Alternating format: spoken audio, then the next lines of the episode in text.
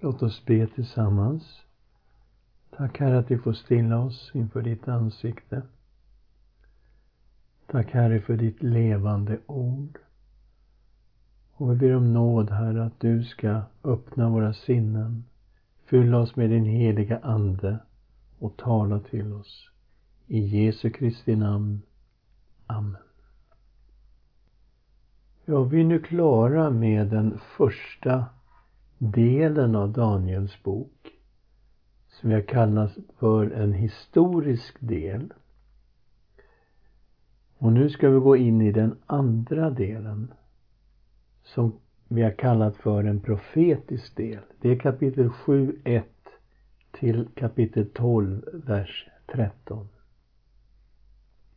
Och den här delen är baserad på Daniels syner och uppenbarelser. Och boken växlar också här till jag-form där Daniel själv berättar om sina syner och uppenbarelser. Och den första synen vi ska titta på är synen om världsrikena och Människosonen. Kapitel 7, 1 till vers 28. Och redan i det andra kapitlet så introducerades de fyra världsrikena och Guds eviga rike i Nebukadnessars dröm. Och här kommer vi på något sätt att återigen få möta fyra världsriken. Men här möter vi dem som fyra vilddjur. Den här synen är daterad till 553 före Kristus. Och vi läser kapitel 7, vers 1. I den babyloniske kungen Belshazzars första regeringsår hade Daniel en dröm och såg en syn medan han låg på sin bädd. Sedan skrev han ner drömmen och återgav huvudinnehållet. Så det handlar om en dröm som också kallas för en syn. Det första regeringsåret för Belshazzar, hur ska vi förstå det? Ja, kungen, som vi har sagt tidigare, hette ju Nabonidus. Men han flyttade just det här året, 553, till Teima i norra delen av dagens Saudiarabien och där var han i tio år och istället överlät han själva styret till sin son Belshazzar. Så det blir alltså kung Belshazzars första regeringsår och det är 553. Och Daniel såg fyra djur som steg upp ur havet Havet syftar troligen på ett folkhav. Det är i alla fall så vi möter det i Uppenbarelseboken. Vi ska läsa Uppenbarelseboken 17 och 15. Och han sa till mig, vattnen som du såg där skökan tronar, det är folk och människomassor och länder och språk. Så det handlar om djur som kommer upp ur folkhavet. Vi ska läsa vers 2 och 3. Daniel sa, jag såg i en syn om natten hur himlens fyra vindar rörde upp det stora havet. Och fyra stora djur steg upp ur havet, det ena inte likt det andra. Och så beskriver han de här djuren och vi förstår nu att det är fyra världsriken som kommer upp ur folkhavet. De är representerade av lejon, björn, leopard och så ett monsterdjur med tio horn. Och allting tyder på att vi egentligen möter samma världsriken som introducerades i kapitel 2. Och då var ju det första riket var ju det babyloniska riket. Och här skulle det i så fall representeras av ett lejon med örnvingar. Och det här var en vanligt förekommande symbol för just det babyloniska riket. Det persiska riket representeras av en björn med tre revben i gapet. De tre revbenen kan syfta på tre stora nationer som perserna besegrade, nämligen Babel, Egypten och Lydien. Det grekiska riket representeras av en leopard med fyra huvuden. De fyra huvudena symboliserar troligen det faktum att det grekiska riket delades i fyra delar direkt efter Alexander den stores död 323 f.Kr. Och romarriket skulle i så fall representeras av ett fruktansvärt vilddjur med tio horn och tänder av järn. Det krossade allt motstånd. Ett nytt horn växte upp och stötte bort tre andra horn. Det hornet talade stora hädiska ord mot Gud. Vi läser om det i 7 och 8 och i 7, vers 25. Det fjärde vilddjuret, det har ju väldigt stora likheter med vilddjuret i Uppenbarelseboken. Och även där syftade ju det vilddjuret på romarriket. Vi läser om det i Uppenbarelseboken 13, vers 1 till 8.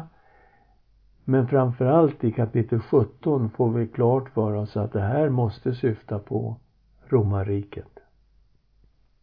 Och så kommer vi till Människosonens kröning och hans rike. Kapitel 7, 9 till 14. Först möter vi Gud som beskrivs som den gamle av dagar. Han satt på en tron med vita kläder och vitt hår. Vi läser kapitel 7, vers 9 och 10. Men det jag såg på djuret, det var alltså det här hemska vilddjuret, sattes troner fram och den gamle av dagar satte sig ner. Hans kläder var vita som snö och håret på hans huvud var som ren ull. Hans tron var av eldslågor och dess hjul var en flammande eld. En ström av eld flödade och gick ut från honom Tusen gånger tusen tjänade honom och tiotusen gånger tiotusen stod inför honom. Han satte sig ner för att döma och böcker öppnades. Detta med hans vita kläder och hans vita hår. Han är ren, men han är också vis. Och hela hans tron var höljd i eld och en ström av eld gick ut från Gud. Oräkneliga tjänare stod framför honom. Böcker öppnades och Gud satte sig på tronen för att döma, baserat förstås i vad som stod i böckerna. Och vi får möta att det fjärde hemska vilddjuret dödades och kastades i elden.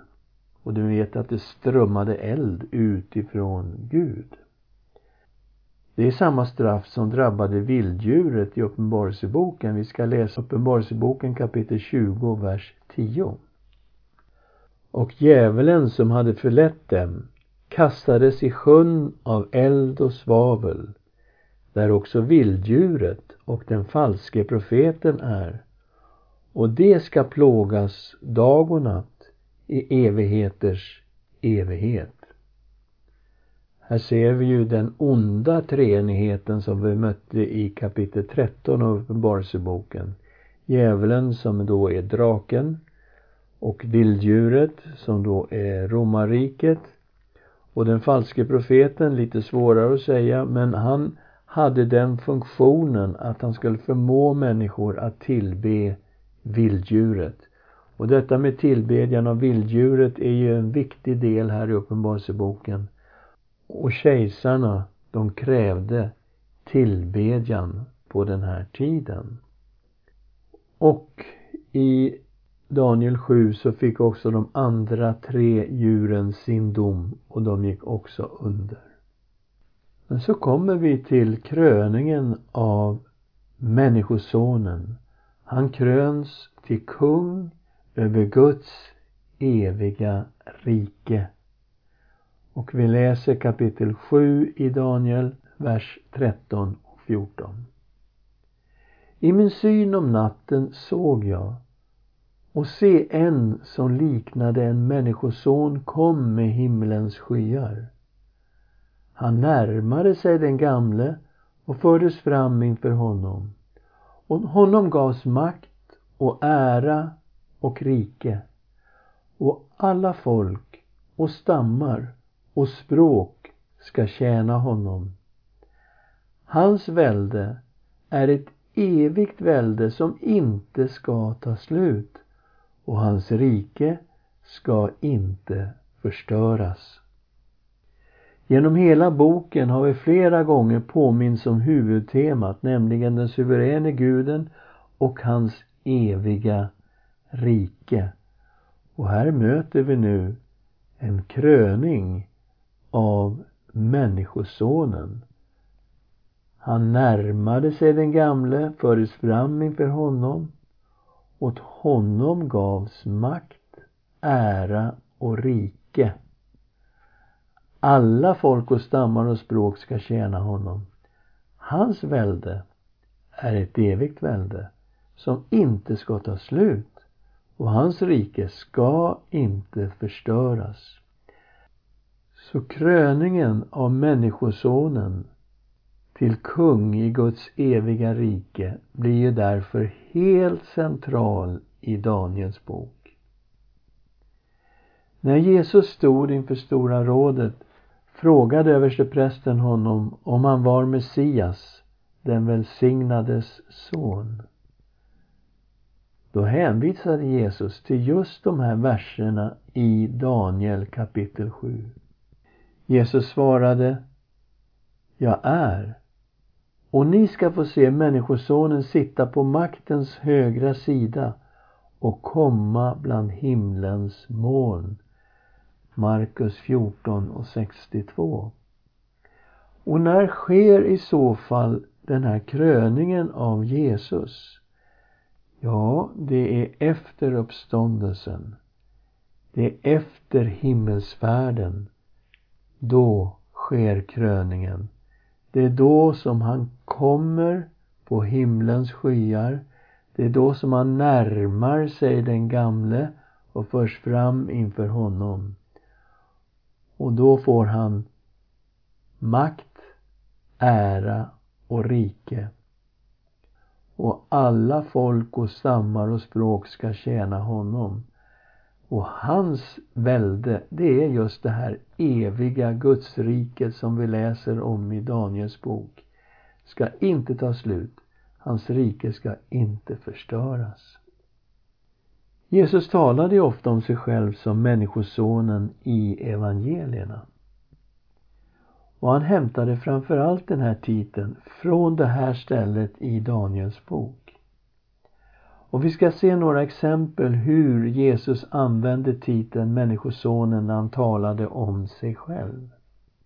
Jesus är Människosonen som kom från himlen till jorden. Johannes 3 och 13. Lärjungarna skulle få se en öppen himmel över Människosonen. Johannes 1 och 51. Människosonen kom för att uppsöka och frälsa det som var förlorat. Lukas 19 och 10. Människosonen hade makt att förlåta synd. Matteus 9 och 6. Den blindfödde mannen kom till tro på Människosonen. Johannes 9 och 35. Den som tror på Människosonen får evigt liv. Johannes 3, 14 och 15. Människosonen kan ge ett liv åt dem som följer honom. Johannes 6 och 27. Människosonen kom för att tjäna och ge sitt liv som lösen för många. Matteus 20 och 28. Människosonen skulle förhärligas genom sitt lidande. Johannes 12, vers 23, 13, vers 31. Människosonen måste lida, dödas och uppväckas på den tredje dagen. Markus 8 och 31. Man måste ta del av Människosonens kött och blod för att få liv. Johannes 6 och 53. Människosonen skulle återvända till härligheten. Johannes 6, 62. Människosonen skulle sitta på Guds högra sida. Lukas 22 och 69.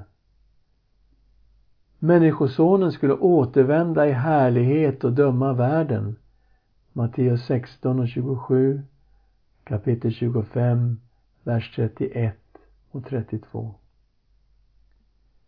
Människosonen skulle döma levande och döda. Johannes 5, 27 till 30. Så vi ser att det här är en väldigt central titel som Jesus använder om sig själv. Vi går tillbaks till Daniel kapitel 7. Och i synen så bad Daniel en person som stod där om uttydningen. Vi läser 7, 15 och 16. Jag, Daniel, blev oroad i min ande och synen som jag hade haft skrämde mig. Då gick jag fram till en av dem som stod där och bad honom om en förklaring till allt detta och han gav mig då denna tydning. Och vi får veta att det fjärde djuret, det som var så hemskt, det förde krig mot de heliga och besegrade dem. Sedan kom Gud och dömde vilddjuret. De troende fick därefter motta Gudsriket. Vi läser kapitel 7, vers 21 och 22. Och jag såg hur det hornet förde krig mot de heliga och besegrade dem, tills den gamle kom och domen föll till förmån för den Högstes heliga. Och tiden var inne då de heliga skulle ta riket i besittning. Vi får också veta att vilddjurets tio horn representerar tio kungar och att vilddjuret skulle besegra de troende under tid och tider och en halv tid. Det kan betyda tre och ett halvt år men under alla avseenden betyder det under en begränsad tid. Därefter skulle vilddjuret dömas och utplånas. Guds eviga rike skulle sedan ges åt de troende. Och alla välden måste underordna sig Guds rike. Hur ska vi förstå det här? Ja, vi kan inte gå in i detalj och ni förstår att det finns många olika tolkningar och förklaringar till Daniel 7. Men till att börja med så utgår jag ifrån att Jesus såg sig själv som Människosonen. Den som kröntes till kung i Guds eviga rike efter uppståndelsen och himmelsfärden. Jag utgår ifrån att när Jesus talade om sig själv som Människosonen så kom den titeln framför allt från Daniel kapitel 7, vers 13 och 14. Jag antar att Jesus undervisning om Guds rike var kopplat till huvudtemat här i Daniels bok. Alltså Guds eviga rike. Apostlarna förde ut evangeliet i världen och undervisade om Guds rike. I Uppenbarelseboken ser vi att vilddjuret förföljde de troende och att djuret var i direkt relation med djävulen, det vill säga draken. Gud besegrade djävulen och vilddjuret genom sina domar.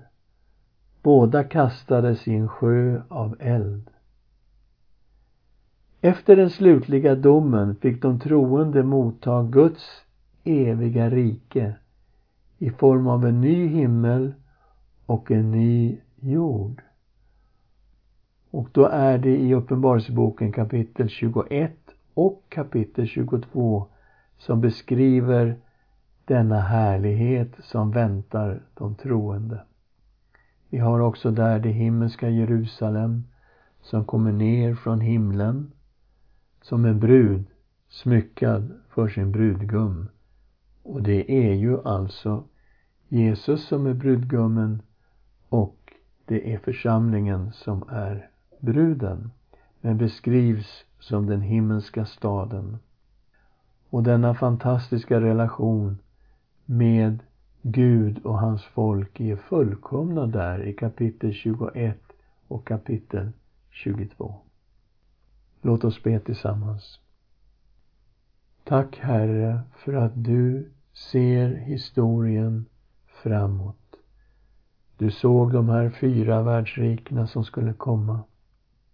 Och vi förstod från det andra kapitlet att ditt rike skulle komma i det fjärde världsrikets tid. Och vi vet Jesus att du kom och predikade Guds rike. Du sa att Guds rike var nära. Att vi skulle omvända oss och tro evangelium. Och tack Herre att du undervisade om Guds rike genom hela din tjänst. Och så ser vi här i Daniel kapitel 7 om en kröning där du kommer inför Fadern och du blir krönt till kung i detta eviga rike som vi läser om i Daniels bok. Och att du får makt, ära och rike. Och alla folk, stammar och språk ska tjäna dig, Herre Jesus. Och att ditt välde är ett evigt välde som inte ska ta slut. Och ditt rike, Herre Jesus, ska inte förstöras. Vi tackar och prisar dig som är kungen i Guds eviga rike. I Jesu Kristi namn. Amen.